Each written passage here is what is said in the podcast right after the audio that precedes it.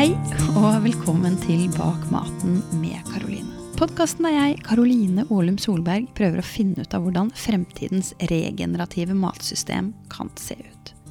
Altså, hvilke elementer må med for å skape et matsystem som er gjenoppbyggende, og som legger til rette for alle involverte, mennesker og dyr, samtidig som det bygger opp jorda vår. Før vi begynner med selve episoden, så har jeg lyst til å fortelle dere om det nye nettkurset mitt Regenerativ mat og livsstil. Dette er et kurs for alle som kjenner at de har lyst til å være med og stå i spissen for å skape et regenerativt matsystem. Gjennom mer enn 15 år så har jeg vært på jakt etter et sunt og gjenoppbyggende matsystem, den beste maten, og samtidig et sunt og gjenoppbyggende liv. I dette nettkurset koker jeg alt dette ned til en åtte ukers reise, hvor vi utforsker hvordan fremtidens matsystem ser ut i dag, hvordan det kan se ut i fremtiden, samtidig som du får personlige verktøy for å kunne jobbe med deg selv. Nettkurset begynner allerede 21.6, så hvis du hører på denne episoden før det, så fort deg til bakmaten.no for å se om det er flere plasser igjen. Hvis nettkurs ikke er tingen for deg, men du fortsatt har lyst til å jobbe med meg, så tilbyr jeg nå én-til-én-veiledning. Send en mail til karoline at bakmaten.no hvis du lurer på om jeg kan hjelpe deg. Så over til ukas episode. Denne uka har jeg med meg Audun Mysja, som jeg har gleda meg lenge til å intervjue. Han er lege, forfatter og står bak Senter for livshjelp, som er et tverrfaglig prosjekt som legger vekt på hjelp til selvhjelp. I denne episoden snakker vi om hvilket forhold mennesker har til mat i dag, betydningen av tilstedeværelse og ro i måltider, og mat som medisin. Vi snakker også om forholdet mellom åndelighet og mat, hva åndelighet er for Audun, og hvordan man kan bygge sterkere broer mellom det vitenskapelige og alternativet. Jeg tror nemlig alle har noe å lære av hverandre, selv om ikke vi ser verden på samme måte. I tillegg så snakker han om noe jeg syns er kjempespennende, nemlig vibrasjoner i mat og frekvensmedisin. God lytt. Hei, Audun. Velkommen på podkasten. Tusen takk.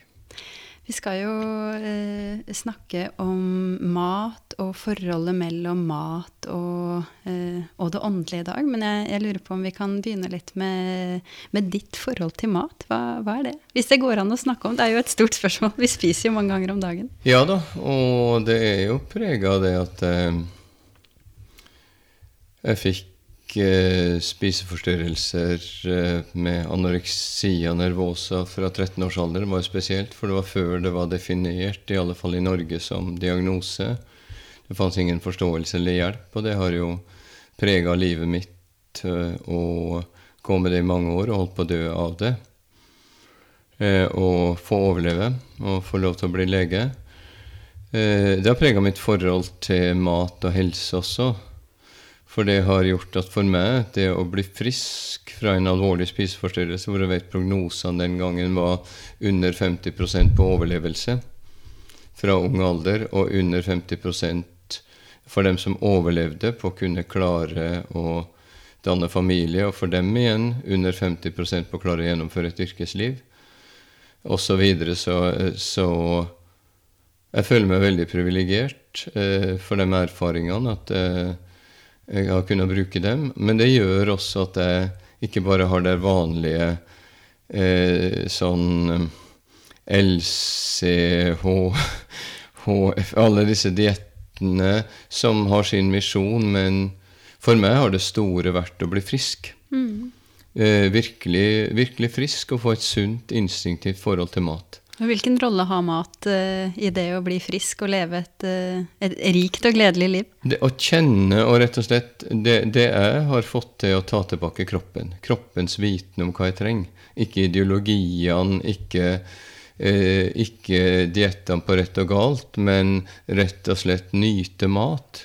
Det er en selvfølge for mange, men for meg var det en prosess å, å erobre det. Og det er det jeg er mest takknemlig for med mat er rett og slett å kunne eh, takke for maten, nyte maten, og, og, ikke ta den prosessen som en selvfølge. Kjenne eh, sansestimulering av smakene, luktene, synsinntrykkene, totalopplevelsen med mat. Det har vært stort for meg, rett og slett. Og, og noe av det største for meg med å spise. Mm. Du snakker jo mye om eh, takknemlighet. Hvilken rolle tenker du det har for mat? Jeg tror det er akkurat det samme som med andre levende vesener. Vi blir opprørt av overgrep og voldtekter, og med rette. For det er noe med at mennesket blir instrumentelt. Vi tar det andre som en selvfølge. Istedenfor å lytte til den andres behov og samkvemmet mellom oss, tar vi oss til rette. Og jeg tror at vi må ikke bare se på det som en isolert akt knytta til det seksuelle. Vi må se på holdningene våre. Hvordan nærmer vi oss tilværelsen? Bare grabber vi til oss? Eh, tar vi vår rett og tråkker på andre? Eller ærer vi andre? Lytter vi til andre? Og maten er ikke noe unntak. Så når jeg, når jeg framhever bordvers og tenker folk er ikke religiøse, jeg vil ikke synge bordvers Nei, men hallo, det har ikke med det å gjøre. Det har å gjøre med at du stopper opp og ser og sier at det her er en gave. Så at det er levende vesener som har ofra livet for din skyld. Det er planter som har vokst fram, og du får anledning til å nære det. Og det har ikke vært en selvfølge. Bare når mine foreldre vokste opp på ei lita øy, så var ikke det å få daglig mat en selvfølge. Og, og, vi lever nå i et land av overflod, hvor det er mat overalt, og det gjør at vi veldig blir numma for den eh, sansen og jeg tror at det har med helse å gjøre. Eller jeg vet det, pga. at vagusnerven, eh, som er jo den som gir oss ro, gjør at vi sover godt, at vi slapper av, den er også driveren for fordøyelsesprosessen. Alle snakker om maten, men nesten ingen snakker om vagusnerven. Men det er jo den som avgjør om vi får fordøyd maten, om vi får tatt opp maten. Og derfor Hvis vi spiser med stress, hvis vi sitter og ser på skjermer med voldshendelser og, og alt den slags, så kjører vi inn det motsatte greina, altså sympatikus på-greina. Eh, flyktkjemp, alarm, whatever. Og, og det vil påvirke fordøyelsen vår. Mm. Så da, hjelper det ikke hvor sunt man spiser hvis man ikke Nei, klarer å slappe av? Altså, du har helt rett. Det er det, det, jeg syns blir så ørkesløst ofte med debattene om sunn mat. En sitter og spiser sunt og spiser frukt og grønt og alt sånt. Men vi må se på hvilket forhold har vi til maten, heller enn bare å se på det sunne. Du nevnte jo eh, overgrep her. Ja. Og, og, og det, på en måte den tilnærmingen til natur og til mat og alt mm. rundt oss er noe jeg tenker egentlig preger hele eh, matsystemet vårt. Ja. Um, med, med, på en måte dine briller og, og din bakgrunn, hvordan, hva slags forhold har vi liksom kollektivt til mat i dag, tenker du? Nei, jeg tror vi er sammenlignet med når jeg vokste opp og eh, kårene mine foreldre kom fra, som jeg tror er nokså typisk typisk eh, norske sånn sett. Den kom fra noen små, enkle kår knytta til jordbruk, fiskebruk og den slags, og hvor matkildene var nære. Det var, vi hadde et nært forhold til det. Og eh, eh, det var del av en syklus eh, som var prega av hardt arbeid, men også av en respekt for elementene. Man var nødt til å respektere elementene. Og så har vi jo fått der med homo deus, mennesket som Gud, mennesket som legger, seg, eh, legger under seg naturen. Vi får et instrumentelt forhold til naturen, og vi får det også til mat. Det blir industriell drift. Og det er noe med bruttonasjonalprodukt, det er noe med, med, å skaffe nok mat, men, men jeg tror at vi må gå dypere og se på på forholdet vårt til naturen. Jeg syns det er veldig inspirerende å flytte hit til Toten og se på bøndene rundt her som har De driver stort, men de har et respektfullt forhold til, eh, til det de driver på med. Vi får kjøpe egg fra en bonde her borte som driver økologisk, har 7000 høner. Men uh, allikevel eh, har de behandlet dem med, med respekt og, og, og er, med en stolthet eh, går inn eh, med, med, noen holdninger som er veldig inspirerende. Og vi må, vi må lage gode kår for jordbruket, så de som driver, får anledning til ikke å være skvisa. Akkurat det samme som i helsevesenet. Altså på et menneskelig plan? Ja, på et menneskelig plan. Helsevesenet er trua nå. Eh, overalt. Alle snakker om er bekymra med at en instrumentell bedriftsøkonomisk tenkning som pisker folk Litt som det gamle eventyret med gåsa som verpa gullegg. At eh, det var jo veldig flott, men han bonden var ikke fornøyd med et gullegg om dagen, ville ha mer. Men den gåsa verpa bare et gullegg om dagen. Da tenkte han kom på en lys idé. Det må være mange gullegg der inne i gåsa, så han slakta gåsa for å få ut alle gulleggene. og det er det jeg er redd for at vi er i ferd med å gjøre. Ja. Jeg ser i helsevesenet folk i ferd med å knekke sammen. Bøndene også som blir piska inn i en slik tenkning. Vi er ikke skapt for det, vi er skapt for relasjoner. Det du skisserer, høres ut for meg som et, et system som har glemt litt hvorfor vi lager systemer. At det er til for, eh, for oss mennesker. Hvordan tror du vi havna der? Det er et stort og komplekst spørsmål. Jeg skal ikke synse for mye utafor mine fagområder. Men eh, jeg har jo vært med, hvis vi nå tar igjen utgangspunkt i helsevesenet, så så jeg jo forandringer på 80-tallet fra at dem som leda, var fagpersoner som eh, eh, kjente driften. Eh, så fikk vi plutselig folk utafra som aldri hadde sett en pasient, som begynte å overvåke og styre, som ikke skjønte driften. Og jeg tror vi alltid er i fare hvis dem som skal styre og overvåke systemer, ikke kjenner systemene de skal overvåke. Det er ikke noe unntak om jeg skulle komme inn og styre og overvåke prosessene i Norges Bank. for Det ville blitt katastrofe. Ja. Så, så det er Jeg tror at vi må vi må ha styringssystemer som er intimt knytta til de faktiske prosessene. Mm. Jeg har lyst til å, å, komme litt inn på dette med åndelighet, eller spiritualitet, hvis du har lyst til å, å kalle det det. Og når man på en måte nevner de orda, så opplever jeg at mange kan skygge banen før man i det hele tatt kommer til poenget. At det er veldig mye steile fronter rundt det. Mm. Og jeg tenker tiden er kanskje mer enn moden til å begynne å bygge litt broer, da. Um, kan du si litt om hvorfor du tror det er så steile fronter mellom, eh, mellom det vitenskapelige og, og, det mer sånn alternative? For det første så er jo det en myte at det er det vitenskapelige som er vitenskapelig. Det er jo masse forskning på begge sider, og jeg har jo levd hele mitt voksne liv i begge de verdenene. Mange folk sier du som står med ett bein i hvert leir. Jeg ser ikke noen leirer. Ehm, jeg ser fronter, men dem er, dem er er kunstige, det med konstruksjoner. Når du kommer inn i virkeligheten Jeg har vært på konferanser innenfor det vanlige, og det alternative hovedforskjellen er at det er det alternative konferansene betaler folk sjøl. Og, og, jeg tror vi må, vi, må, eh, vi må, slutte med å stemple for all polarisering. Starte med at vi inntar en posisjon, og så stempler vi for folk som eh, tar en motsatt posisjon. Og det som har skjedd i min levetid, er jo at vi har hatt en religion, kristendommen, som har forma hele vår, vår, holdning, vår livsholdning. Den var overalt da jeg var liten. Den har abdisert. Og det har jo også skapt et vakuum. Og jeg tror at vi trenger alltid å se, som i Østen yin-yang, krefter som må hele tida være i balanse.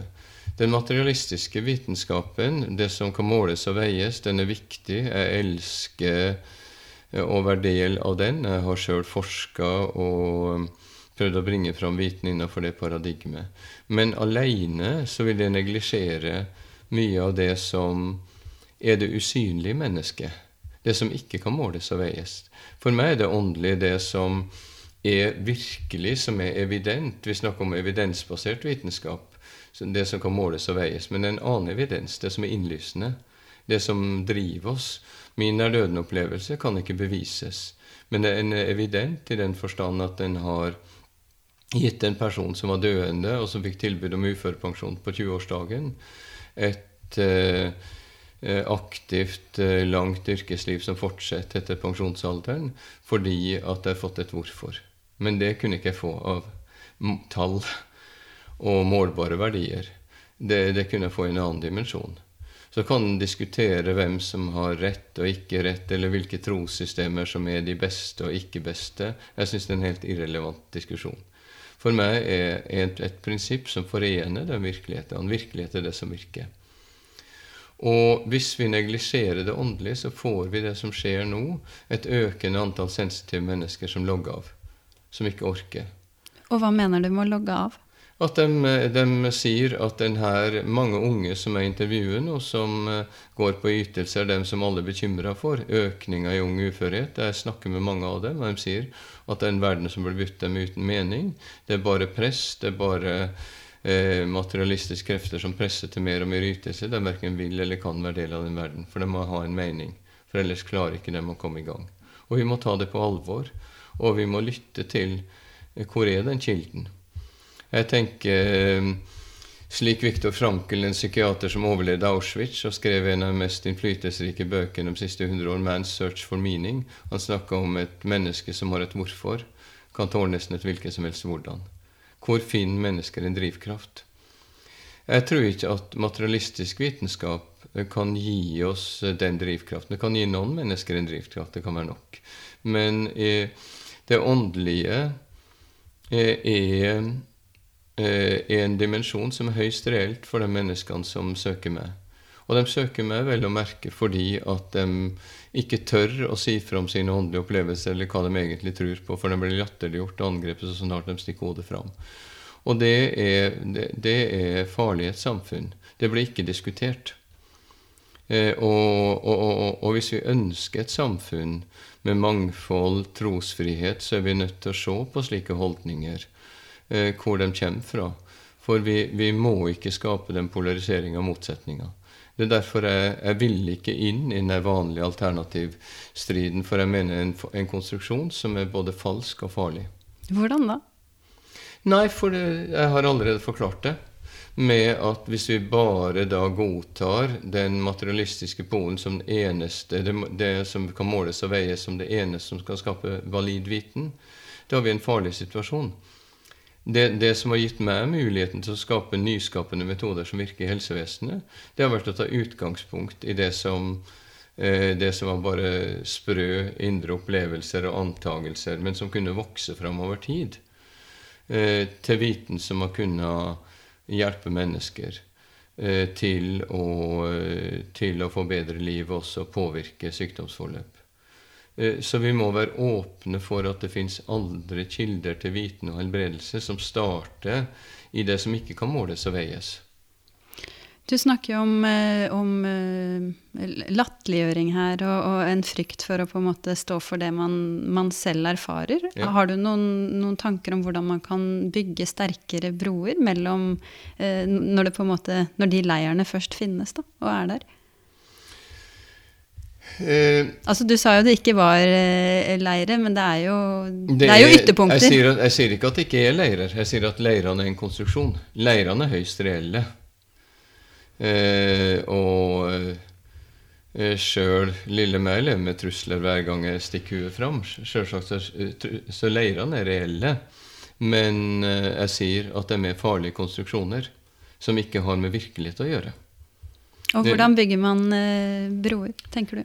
Jeg tror at på den såkalt alternative sida så er det viktig å forstå vitenskapelige prinsipper.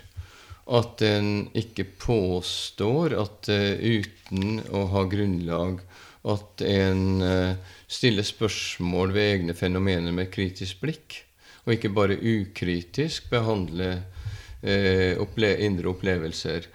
Eh, jeg lærer opp mine studenter til å bruke vitenskapelige metoder for å håndtere sine åndelige opplevelser på en fruktbar måte. Eh, slik at det ikke en da fører eller forfører mennesker inn i um, psykiske irrganger. Eh, at en får gjort det jordnært, at en får gjort det forståelig med respekt for det som er konsensus og vanlige menneskers virkelighet. På den vitenskapelige sida må en begynne å praktisere den vitenskapen du forfekter. Jeg har vært i debatter gjennom 40 år. Jeg har stilt med, med vitenskapelige referanser argumenter og ikke blitt møtt med en eneste referanse eller annet argument eller andre argumenter enn masse merkelapper, beskyldninger og emosjonelle utvalg. De sier 'jeg er vitenskapelig', og så demonstrerer de det motsatte. George Bertrand Russell ble spurt en gang What do you think about Christianity? Well, it would be a good idea. Jeg kan si det samme om vitenskap. Det vil være en god idé. Jeg må si det at de fleste jeg treffer på, eh, dem i mitt eget fagfelt som jeg treffer på, er uten unntak ekte vitenskapsfolk. Derfor har jeg hatt det beste samarbeid. Alle leger blir jeg angrepet av min egen stand? Nei. Vi snakker samme språket. Og dem behandler mine ville ideer med akkurat den rette blanding av skepsis og åpenhet. Men, men dem som har gått inn i den offentlige debatten om alternativ vanlig medisin, f.eks., har vist eh, en skremmende fravær av den vitenskapeligheten de sjøl hevder å forfekte. Så de må skjerpe seg, og heller forstå at det er deres egne emosjoner det handler om. Hvilken rolle tenker du media har i å eh, bygge eller eh, ikke bygge broer? Eh, jeg har personlig veldig gode erfaringer med media. De har vært eh, veldig renhårige og og skikkelige, og møtt meg igjen med den samme riktige blandinga av åpenhet og et eh, litt kritisk blikk som jeg ønsker å bli møtt med. Jeg ønsker verken, verken å møte usaklig avvisning eller usaklig tilbeding. Eller, eller sånn at jeg ønsker at folk skal møte meg på en vitenskapelig måte. Og jeg syns pressen har gjort det. Men jeg ser det er en del oppslag som klart er prega av at pressen skal overleve og selge det er farlig overfor det som vi kan kalle sannhet og virkelighet. Men for de som ikke er så kjent med begrepene åndelighet eller uh, dette med spiritualitet, hva, hva, betyr det for deg? For meg betyr det det, eh, det usynlige som vi ikke kan, eh, kan måle og veie, men som allikevel kommer inn i form av det vi kan kalle intuisjon, i form av indre visjoner. Jeg har hele tida hatt det som en opplevelsesdimensjon fra jeg var liten. Og grunnen til at jeg ikke kan avvise det, er at når jeg er stressa, emosjonell, oppbrakt, triviell, så fungerer bevisstheten min akkurat sånn. Det surrer masse tanker eh, i hodet. Men når jeg slutter med det, så kommer det en klarhet, og da kommer det helt andre nivåer av eh, informasjon. Da blir andre mennesker tilgjengelig for meg. Da blir viten tilgjengelig for meg som ingen har fortalt meg. Da, da kommer det fram viten f.eks. som jeg kunne begynne å jobbe med. Og så ser jeg at om noen år kan jeg bringe det fram, og så har andre i verden også brakt fram noe av det samme. Eh, så for meg er det åndelige de kildene som ligger innenfor det kjernefysikeren, forskeren David Bohm kaller det 'implicate order', det som ligger der, eh, som er vår mulighet.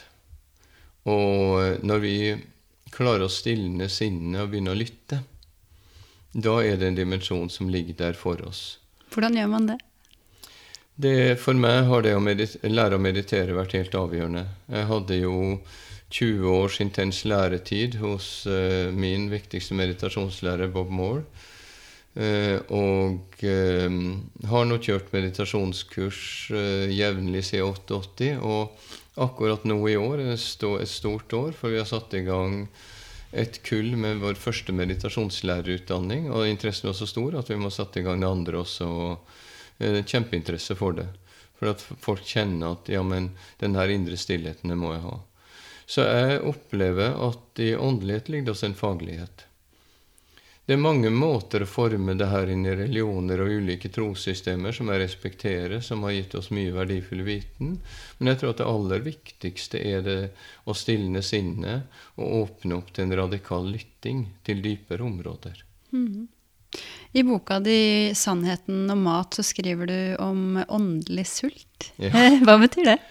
De som søker meg, uh, uttrykker ofte en åndelig sult. At uh, det går på en sult etter mening, en sult etter å, å finne noe uh, som kan gjøre livet virkelig verdt å sette inn sine beste krefter på. sulten etter noe større. Kanskje en viten om at personligheten vår, kroppen vår, de er forgjengelige. Og at det vi kaller jeg, det, vi, vi, sier det som absolutt, men vi kan jo se på oss sjøl bare for lavt lav blodsukker, så vil hva jeg tenker være litt annerledes enn hvis du etter en god treretter. Helt klart. Eh, og, og, så det her er mer flyktig enn vi antar. Og åndelig sult er sulten etter det som faktisk har substans i oss, det som er varig. Og det er det meditasjon eh, har gitt meg. En stilling av en åndelig sult. Å kunne komme inn til en kilde som er holdbar, rett og slett. Kan det være en, en sjel, er det det du snakker om? Ja, en kan gi det forskjellige begreper. Jeg har aldri sett en sjel, så jeg skal uttale meg med forsiktig, forsiktighet om det. Men en grunnvoll i bevisstheten som, eh, som, jeg ikke hadde da jeg slet i ungdommen, men som, som er kanskje noen av de største gavene jeg har fått i mitt voksne liv. Og hvilken betydning tenker du åndelig sult har for forholdet vi har til mat i dag?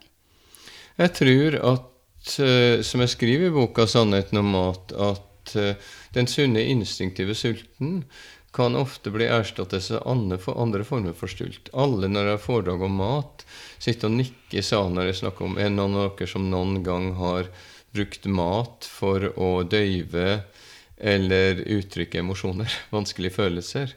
Alle sitter og flirer og rekker opp hånda.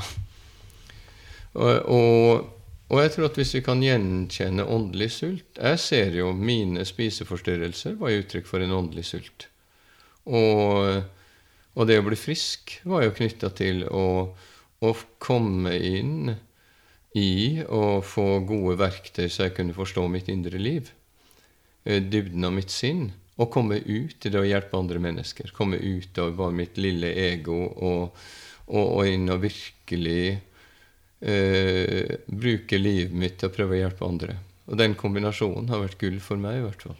Mm. Det er en ting som jeg jobber mer og mer med nå, og blir mer og mer bevisst på. Det når man på en måte vender innover og virkelig tar ansvar for seg selv, hvor mye mer man har å gi til andre. Da. Og mm. det, det er veldig, veldig godt poeng. Ja, og det er mytene en snakker om meditasjon, eh, navlebeskuelse, egoistisk innadvendt. Ingenting kunne være lenger unna sannheten. For min del og for mine studenters del så er det faktisk grunnvollen for virkelig å kunne være til hjelp for andre over tid. Mm. Du er veldig opptatt av det her med, med, mat og nærvær, og nærværet når vi spiser. Kan du mm. si litt mer rundt det? Hvorfor er det viktig? Det, for det første så er det det vi snakker om med relasjon. Eh, respekten for maten og viten om at alt liv fortjener å bli møtt med nærvær. Akkurat som vårt møte i dag. Hvis vi først gir hverandre vår tid, så, eh, så må vi også gi den respekten, prøve å, å, komme inn sammen i noe som er virkelighet. Men maten er ikke noe unntak. Men det går også på for vår egen del. Jeg ser en sammenheng mellom slitenhet og stress og måten vi behandler maten på.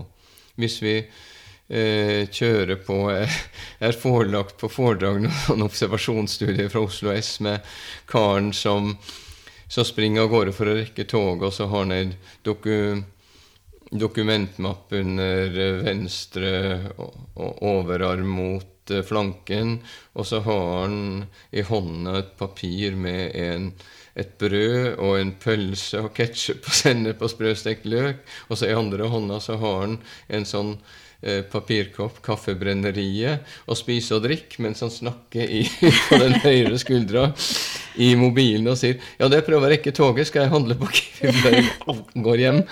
Altså, vi, eh, det går bra der og da. Men over tid så er det en fraværenhet fra prosessen med å spise mat som rammer fordøyelsessystemet. Hvorfor har en så høy prosess, eh, prosent av befolkninga irritabel tarm, hvor det ikke er noe fysiske funn? Jeg setter i direkte sammenheng med nærvær. Jeg har ikke noen dokumentasjon sikkert på det per i dag, men det fysiologiske grunnlag for denne antakelsen er til stede. Mm. Jeg vet Du også har, du var jo litt inne på det nå, men dratt parallellen mellom vår evne til å møte andre mennesker og vår evne til å møte mat, at det henger sammen. Hvordan, ja. Kan du si litt mer om det?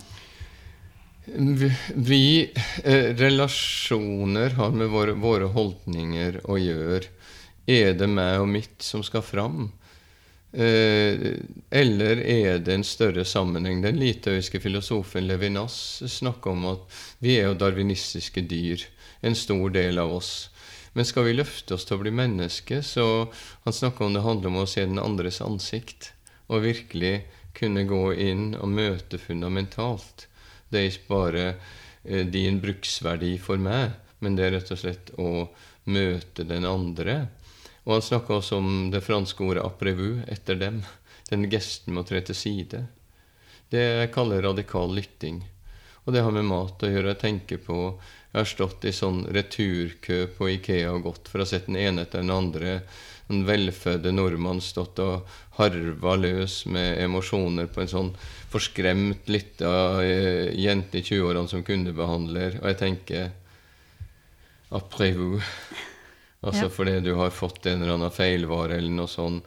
Den der løyvet vi har til å begynne å skjelle ut andre for den minste småting som har kommet inn i Norge i dag, det er, det er et ugras, det er en forurensning som brer seg. Vi snakker om økokrisa, vi snakker bare om CO2 og om vi skal kjøre Tesla eller hva vi skal gjøre. Vi må gå dypere og se på våre holdninger. Vår rett til bare å eh, Den bruker hun som søppelbøtte for sine egne emosjoner. Mm. Eh, og, og, vi har ikke rett til det. Vi er nødt til å slutte med det. Vi, vi, må, vi må, ta det opp. Og, og, og, når våre ledere står der og skjeller løs på hverandre på en uverdig måte, så har det en spredningsverdi. Og så snakker vi om at vi ikke klarer å løse mobbeproblemet. Mm. Vi må starte med oss sjøl tilbake til det du innledningsvis sa om overgrep, da, som, ja. som, handler om veldig mye mer enn kanskje det vi forbinder med overgrep. Både natur og mennesker rundt oss. Vi sitter og sier fy, fy, den overgriperen der og jeg er mye bedre.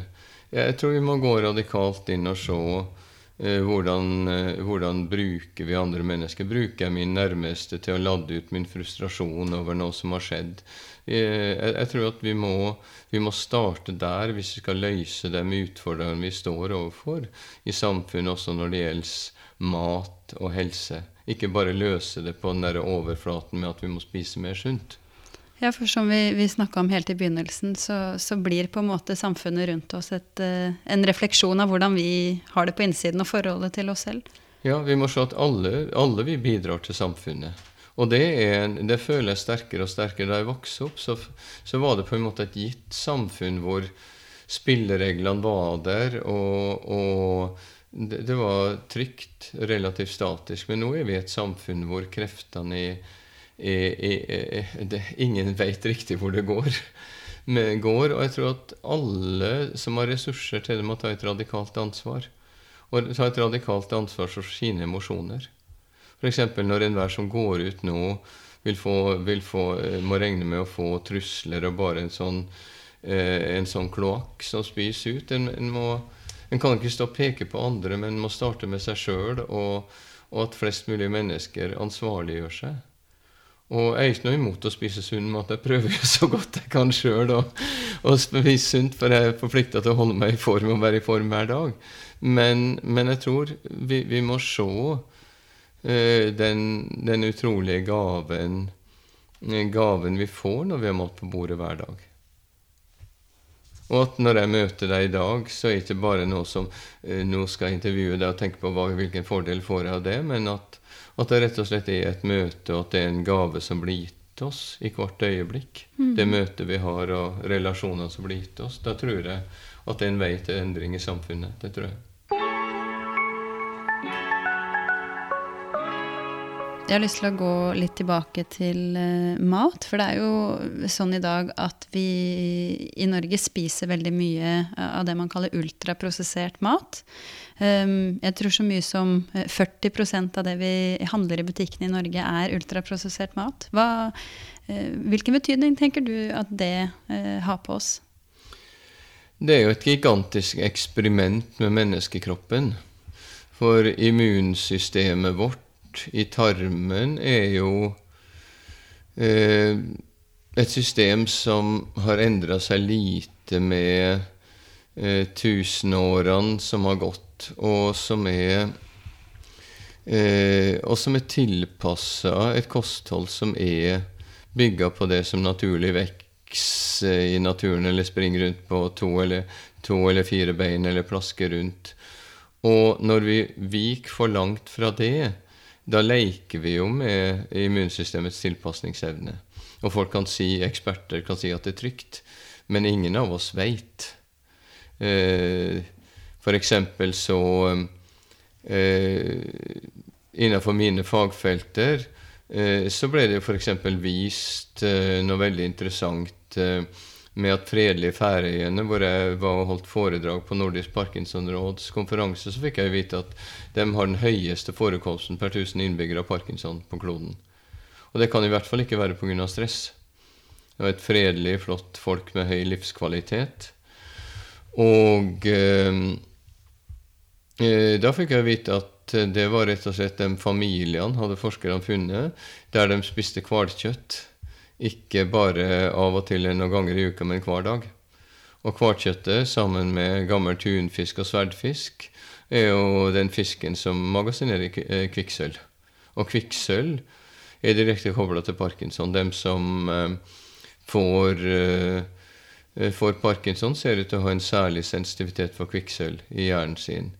Og, og, vi er nødt til å ta slike ting på alvor. At de stoffene vi introduserer som ikke er naturlige, eh, naturlig forekommende, eh, dem vet ikke vi hvordan virker på kroppen. Og jeg tror det er, som de sier på engelsk, 'err on the side of caution'. Eller som vi sier i medisin, det viktigste er ikke å skade. Så jeg tror at en må være forsiktig med å vike for langt fra de naturlige kildene.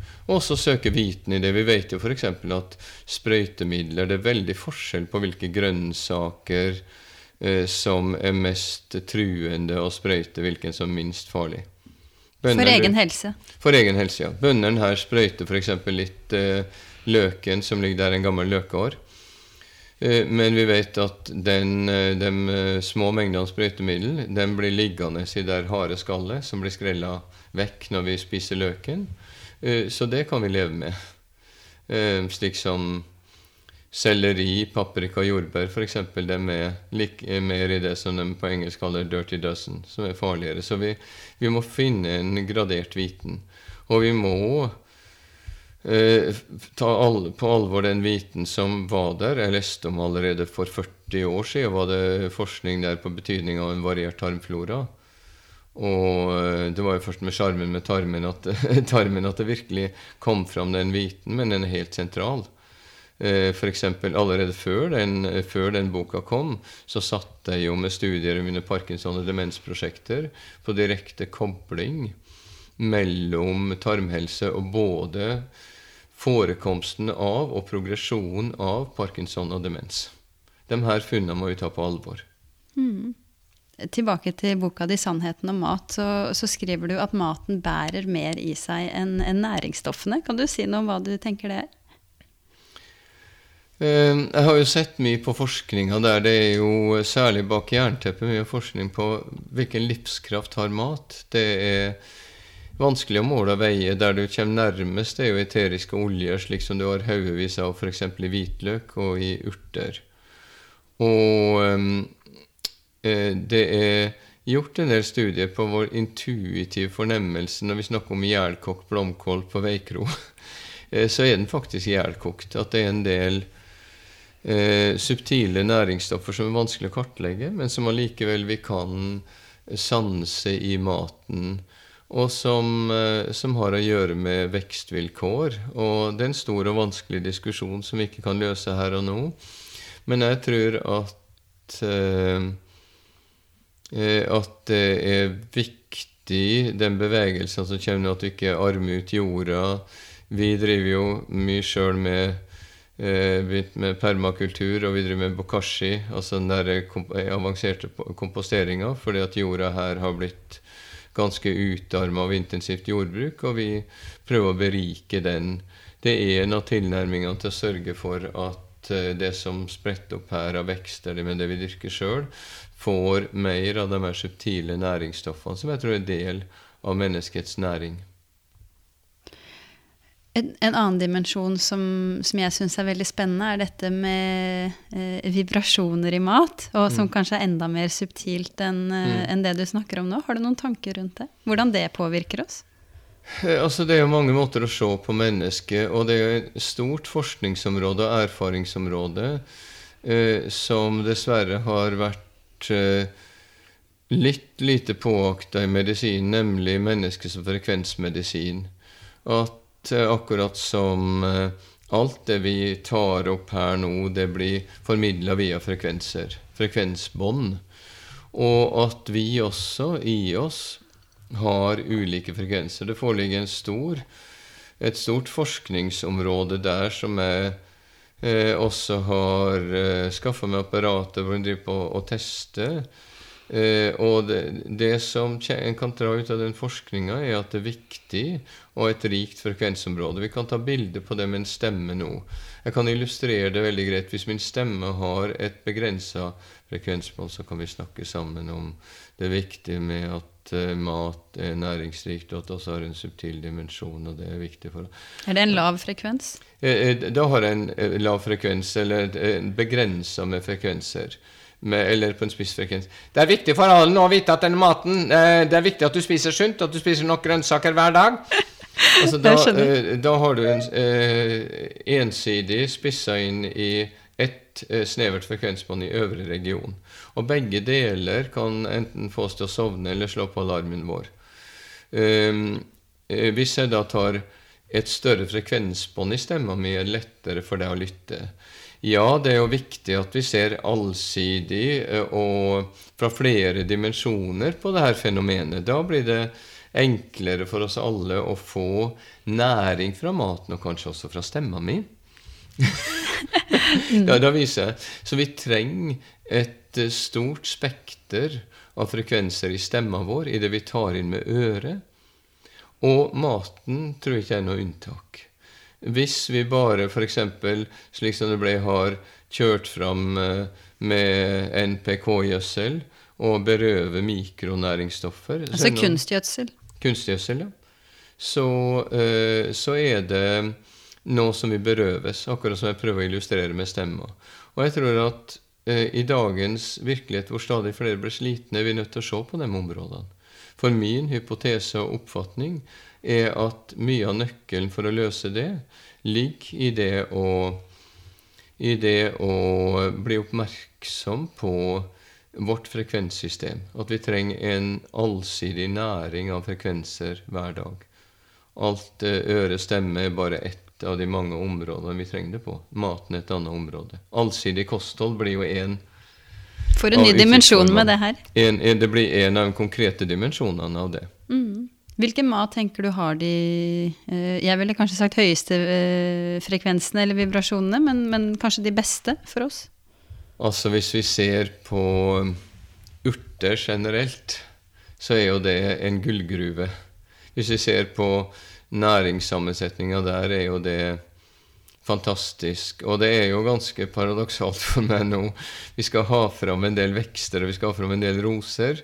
Og det innebærer at jeg må på dynga med, med den aller sunneste og mest næringsrike av dem alle, løvetannene. jeg tenker Jeg prøver å si ok, takk, takk, lille venn. Men jeg kan ikke spise alt. Kan ikke spise alt, men den, har, den klarer seg bra uansett.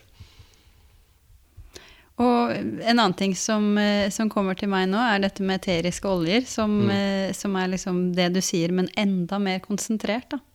Ja da, og, og der sitter jeg jo med noe interessant forskning. For det at eh, ja, den, det stoffene som er dokumentert med strikte vitenskapelige studier, randomiserte, kontrollerte studier og systematiske oversiktsartikler på å både forebygge og hindre progresjon av demens, er faktisk eh, eteriske oljene i salvie. Urten salvie, som er lett å dyrke her i Norge, som vi sjøl har. Eh, og, men det blir ikke tatt på alvor i medisin, for det blir regna som naturmedisin. Så ingen vil se på den forskninga. Tilbake Men- til det å bygge broer, da, hvor viktig det er. Jo, det er nettopp det. fordi at eh, det viktige går ikke på å fremme noe alternativt per se, men jeg føler jo at uh, uh, vi berøver medisinen for nettopp noe av det som kunne fylle ut. Jeg har aldri vært alternativ når jeg jobba på kirurgisk poliklinikk eller på indremedisinsk avdeling eller lignende. Men det er jo mange grupper i samfunnet, de nyslitne som helsevesenet, allmennpraktikere, er helt fortvilte. En vet ikke hva en skal gjøre med dem. Der må vi se med nye øyne. Og det, det, det der jeg tror at uh, Der må vi se på frekvenssystemer, og vi må se på, med, på ernæring på en ny måte. Hvordan kan de få i seg eteriske oljer som kan stimulere hjernen på en, på en allsidig måte? Og kanskje gi inn subtile impulser som menneskene mangler. Jeg tenker Der vi har funnet svarene, så trenger vi ikke å, å leite etter nye svar. Men der vi ikke har funnet svarene, så må vi være åpne i alle retninger for uh, at svarene også kan ligge der vi ikke tror de ligger. Jeg syns folkeeventyrene er fantastiske i så måte. Per og Pål de vet hva som skal til. De skal ha prinsessa og halve kongeriket. De skal bli best. De har visualisert og forestille seg det, men de blir spist av trollet. Men Askeladden fomler rundt. Og løsninga er jo sjølsagt i eh, eh, Alle vet jo at hvis du skal vinne kongsdatter og halve kongeriket, så ligger løsninga i ei gammel kjerring som har satt fast nesegrev i en stubbe. Jeg syns det er et nydelig bilde ja. på det som har vært min vei også, at uh, løsninga har ligget der jeg minst venta det. Og Derfor er også mitt syn på åndelighet ikke å, å finne nye religiøse dogmer, nettopp fordi at det åndelige for meg har vært overraskelsen. Det, ja. det er faktisk kjerringa med nedskrevet i en stubbe mm. som viser oss nye løsninger når vi tror vi veit. Det farlige med vitenskap er å tro at vi veit. Den sanne vitenskap for meg er å se i uvitenhet og åpenhet for å finne nye løsninger. Mm.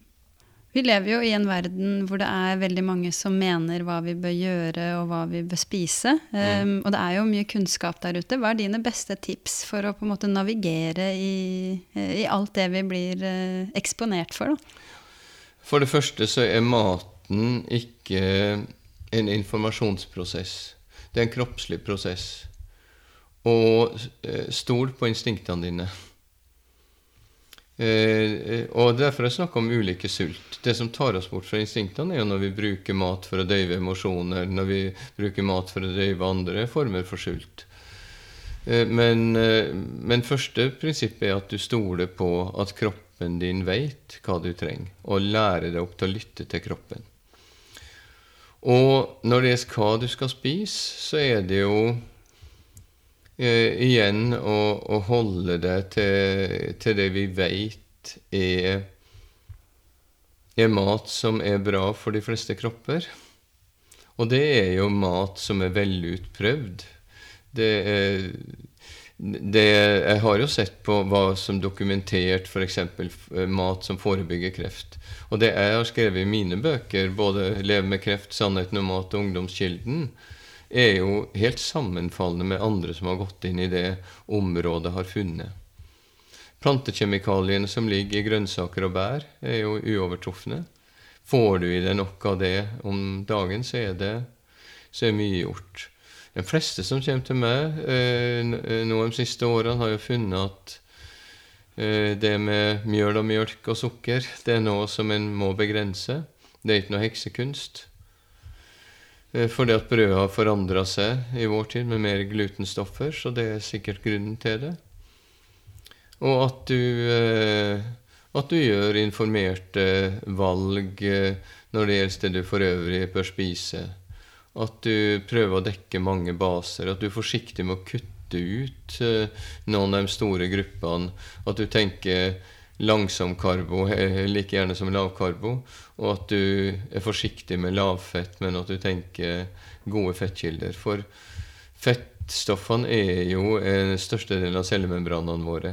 Så jeg tenker at hvis vi kjører lavfett, så eksperimenterer vi med den grunnleggende fysiologien. Så det er jo noen enkle prinsipper. Bøkene mine, faktiske matrådene mine, enkle og ikke spesielt kontroversielle eller originale. Tvert imot så syns jeg alle fornuftige fagpersoner som jeg treffer på innenfor det området de lander på noe lignende som meg. Folk sier det er så vanskelig. Det er vanskelig hvis du begynner å krangle mellom ulike eh, kostholdsretninger, men ganske enkelt hvis du bare bruker sunn fornuft. Hvis du skulle oppsummert eh, sunn mat i to-tre setninger, hva er det?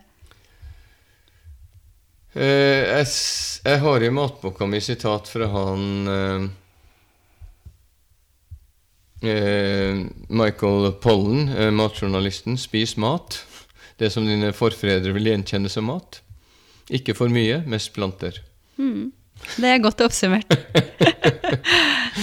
mm. Du driver jo Senter for livshjelp, der du mm. jobber som enhetsterapeut, eller med enhetsterapi.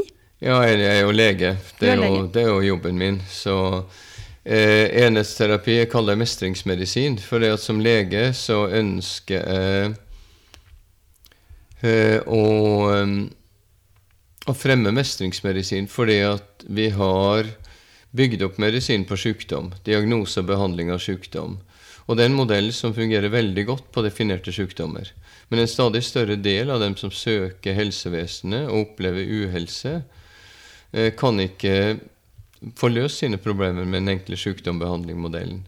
Så vi er nødt til å bygge opp en mestringsmodell som går på hva er det som får mennesket til å mestre. Eh, og, og, der er det jo slik som der på avsystemet i kroppen er snakk om vagusnerven. Det å finne hvordan kommer vi i gang med riktig aktivitet og trening. Hvordan trener vi inn god avspenning, ro, hvile. Hvordan trener vi pusten. Hvordan kan vi arbeide for psykisk helse, arbeide konstruktivt med tanker og følelser? Hvordan kan vi lære kompetanse i kommunikasjon og relasjoner? Eh, og hvordan finner vi varige verdier, eh, drivkraft? Og også det åndelige, som jeg kaller det ukjente. Hvordan kan vi få tak i vår intuisjon? Og alt det der prøver å bygge opp eh, mer og mer viten om hva som får mennesker til å mestre. Mm. Og det er ikke avhengig av at du er frisk. Tvert imot så finner jeg at de friske eldre de har jo ofte en titall diagnoser. Men de opplever seg friske fordi at mestringssystemet er sterkt. Og der har jeg gjort en, en systematisk uh, utforskning nå de siste 15-20 årene av hva er det som holder dem friske. Og det er slik jeg har kunnet finne meg søylene for mestringsmedisin. Akkurat som jeg jobber mange med ME, kronisk trøtthet. Og, og ut fra det jeg tok ut fra hva som har gjort dem som har kommet seg og blitt friske, hva som har gjort dem bedre, eh, så har jeg kunnet trekke ut det i de her søylene. Og det er noe av det jeg jobber mest med nå. At dem som søker meg, de har alle mulige diagnoser, men fokuset er mest på å hjelpe dem å mestre livet sitt. Hjelp til selvhjelp. Mm. Du er jo inne på veldig mange forskjellige måter å tilnærme seg det å skulle leve et godt liv, egentlig. Men i og med at denne podkasten eh, som en slags hovedparaply handler om mat, hvilken mm. rolle tenker du mat har i, eh, som medisin, eller som forebyggende medisin? Jeg tror at den er et, en av grunnelementene, en av søylene i mestringsmedisin, kaller næring og ernæring. Eh, at mat skal være ernæring, men det skal også nære oss. Maten som sansestimulering. At du, at du virkelig, eh, hvis du skal bygge et godt liv, at du prioriterer måltidene. At du gjør det ordentlig, at du lager et ritual rundt det. Jeg tror på det gode bordet. Jeg tror på det å gi verdighet til den prosessen. Og jeg tror til å prioritere gode matvalg i livet sitt. At ikke maten blir en salderingspost men at det blir noe som vi virkelig eh, virkelig setter oss inn i og lager til en hjørnestein. Og, eh, og bygge opp den relasjonen jeg snakka flere ganger om i dag, med respekt for maten, som er respekt for oss sjøl. Eh, så, eh, så, vil det være en grunnvoll i både helsebygging og det å skape et godt liv. Mm. Jeg ser mange av de menneskene jeg treffer, som er lykkeligst de, eh, de jukser ikke med maten. De gjør det til en prioritet? De gjør det til en prioritet uansett hvor travle liv de har. Det, det er litt sånn et bilde fra når jeg var i slutten av medisinstudiet på det som nå er St. Olav i Trondheim, hvor um, en veldig dyktig kirurg eh, satt der, og det var en akuttpasient som var kommet inn. Han satt der med kaffen sin eh, og kosa seg virkelig midt i en travel arbeidsdag. Han hadde en liten pause. Og så sa han 'Du må komme en gang, Torbjørn. Han blør. Det, det haster.' Kaffe først. Og han gikk inn og gjorde en fantastisk jobb. Ja. Han lot seg ikke ta av stressystemet. For når folk salderer maten, eh, så risikerer de at stressystemet tar over. Hva betyr å saldere? Saldere, det betyr å, å Salderingspost er at du prioriterer vekk. Ja. At, du, at du sier at 'nei, vi har for dårlig tid'. Vi kan ikke prioritere maten. Eh, nei, kaffe først. Altså at du tar den derre eh, At du ikke lar roa rundt matinntaket forstyrre. Rett og slett fordi at da får du ikke vagusnerven i gang, og da vil ikke, som vi sa i sted, den sunne maten, den sunneste maten i verden, vil til syvende og sist kanskje ikke hjelpe deg. Fordi at stressystemet kommer inn og forstyrrer fordøyelsen. Og det syns jeg har vært altfor lite eh, lagt vekt på i diskusjonen om mat. Men det her er kanskje et uh, idiotspørsmål, men er det sånn at hvis man først skal spise drittmat, bør man være stressa da, for å unngå at kroppen tar det opp, eller hvordan fungerer Nei, tvert, tvert imot. Skal du spise Altså for eksempel, det er jo mange på kursene mine, så er det noen, noen som røyker har blitt sånn, så går jeg forbi, så står de og røyker og sier de unnskyld. Som om de skal unnskylde seg overfor meg. Altså Da syns jeg heller, og jeg sier nei, heller nyt det. Hvis du skal røyke, så må du nyte det. Da får du vagusnerven inn.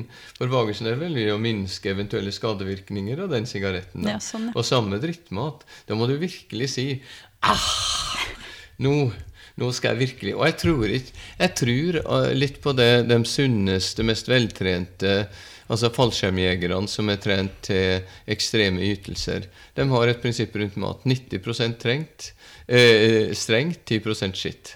At du må ha den der litt syndige lommene som vi alle har, sånn guilty pleasures. I den eh, podkasten her så er jeg jo på jakt etter det jeg kaller et regenerativt matsystem. Altså et matsystem som er gjenoppbyggende. Ja. Hvordan ser dette matsystemet ut for deg med ditt perspektiv? Det er et stort spørsmål, og der beveger jeg meg utafor mitt fagområde, så jeg skal jo ikke formulere meg for bastant, men jeg tror at vi alle kan bidra. Jeg tror at denne nye bølgen, sånn som min kone er med på mange Facebook-grupper hvor folk lærer hverandre om hvordan kan du regenerere jorda, hvordan kan du kompostere, hvordan kan du bygge opp enkel permakultur, sånn at jorda blir regenerert, at vi alle bidrar til å regenerere jorda flest mulig. Få det inn i byene. At bøndene får rammer, så ikke de må, må piske seg sjøl, jorda dyra. At en kan få rammer til å, til å eh, jobbe mest mulig regenerativt. For bøndene har en stor stolthet i sitt yrke, de er kjenne og vil gjerne holde jorda i hevd. Og at, eh, og at samfunnet prioriterer det. At ikke vi prioriterer hele tida på digitalisering og, og, og de systemene og underprioriterer primærsystemene.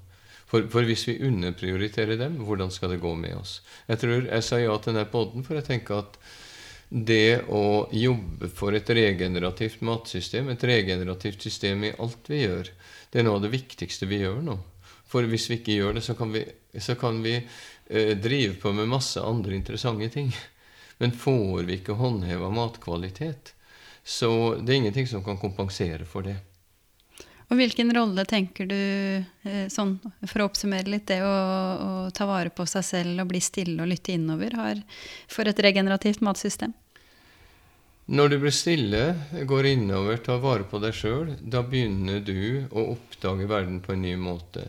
Du vil ønske, i min erfaring med mennesker som har gjort det, de ser at deg sjøl er bare en liten del av et større system. Og du begynner å utvikle naturlig økologisk bevissthet. Det blir ikke noen som må stå utafra og si at fy, du får ikke lov til å gjøre sånn, du er ikke økologisk nok i din livsstil. Da blir det noe som kommer innenfra. Og da vil du ønske å kunne gjøre dine små bidrag i det daglige. Da vil det å gjøre de her små bidragene i, du, i hva du spiser, måten du spiser på, hvordan du behandler maten og andre levende vesener, hva du gjør med jorda Alt det der vil springe ut av det. Så jeg tenker at det er faktisk noe av grunnvollen. Mm. Og helt til slutt, Audun, hva gir deg håp? Det å se alle menneskene jeg treffer på som vil, alle mennesker som, eh, som våkner opp og, og som, eh, som, sier 'bruk meg'. Det er en ny, eh, en ny stille bølge av medfølelse, av ønske å bidra til å redde jorda, som berører meg, og som motiverer meg. Og jeg ønsker så, så sterkt å få vie de årene jeg har nå framover til å kunne hjelpe fram den bølgen, som jeg tror er del av det som kan være svaret på de problemene vi sliter med, at den blir hjulpet fram, at ikke den blir trykka ned. Og Derfor jeg slåss for det usynlige for, eh, for alt det vi ikke kan måle og veie. For den motivasjonen er ikke så lett å måle og veie, men den motivasjonen som vi må ta tak i. For den, den springer framover overalt rundt meg. Det motiverer meg veldig, særlig unge mennesker som jeg treffer nå, som ønsker så sterkt å vie livet sitt til å skape en bedre jord. Tusen, tusen takk for at du ble med på podkasten. Tusen takk til dere som lytter. og jeg håper det kan være nyttig, det her. Og det er i alle fall mitt engasjement. Jeg håper vi kan spre gode ideer, god praksis, for å eh, bidra til regenerative systemer, til å spre håp og til å spre gode verktøy rundt omkring i samfunnet til alle som trenger det. Tusen takk.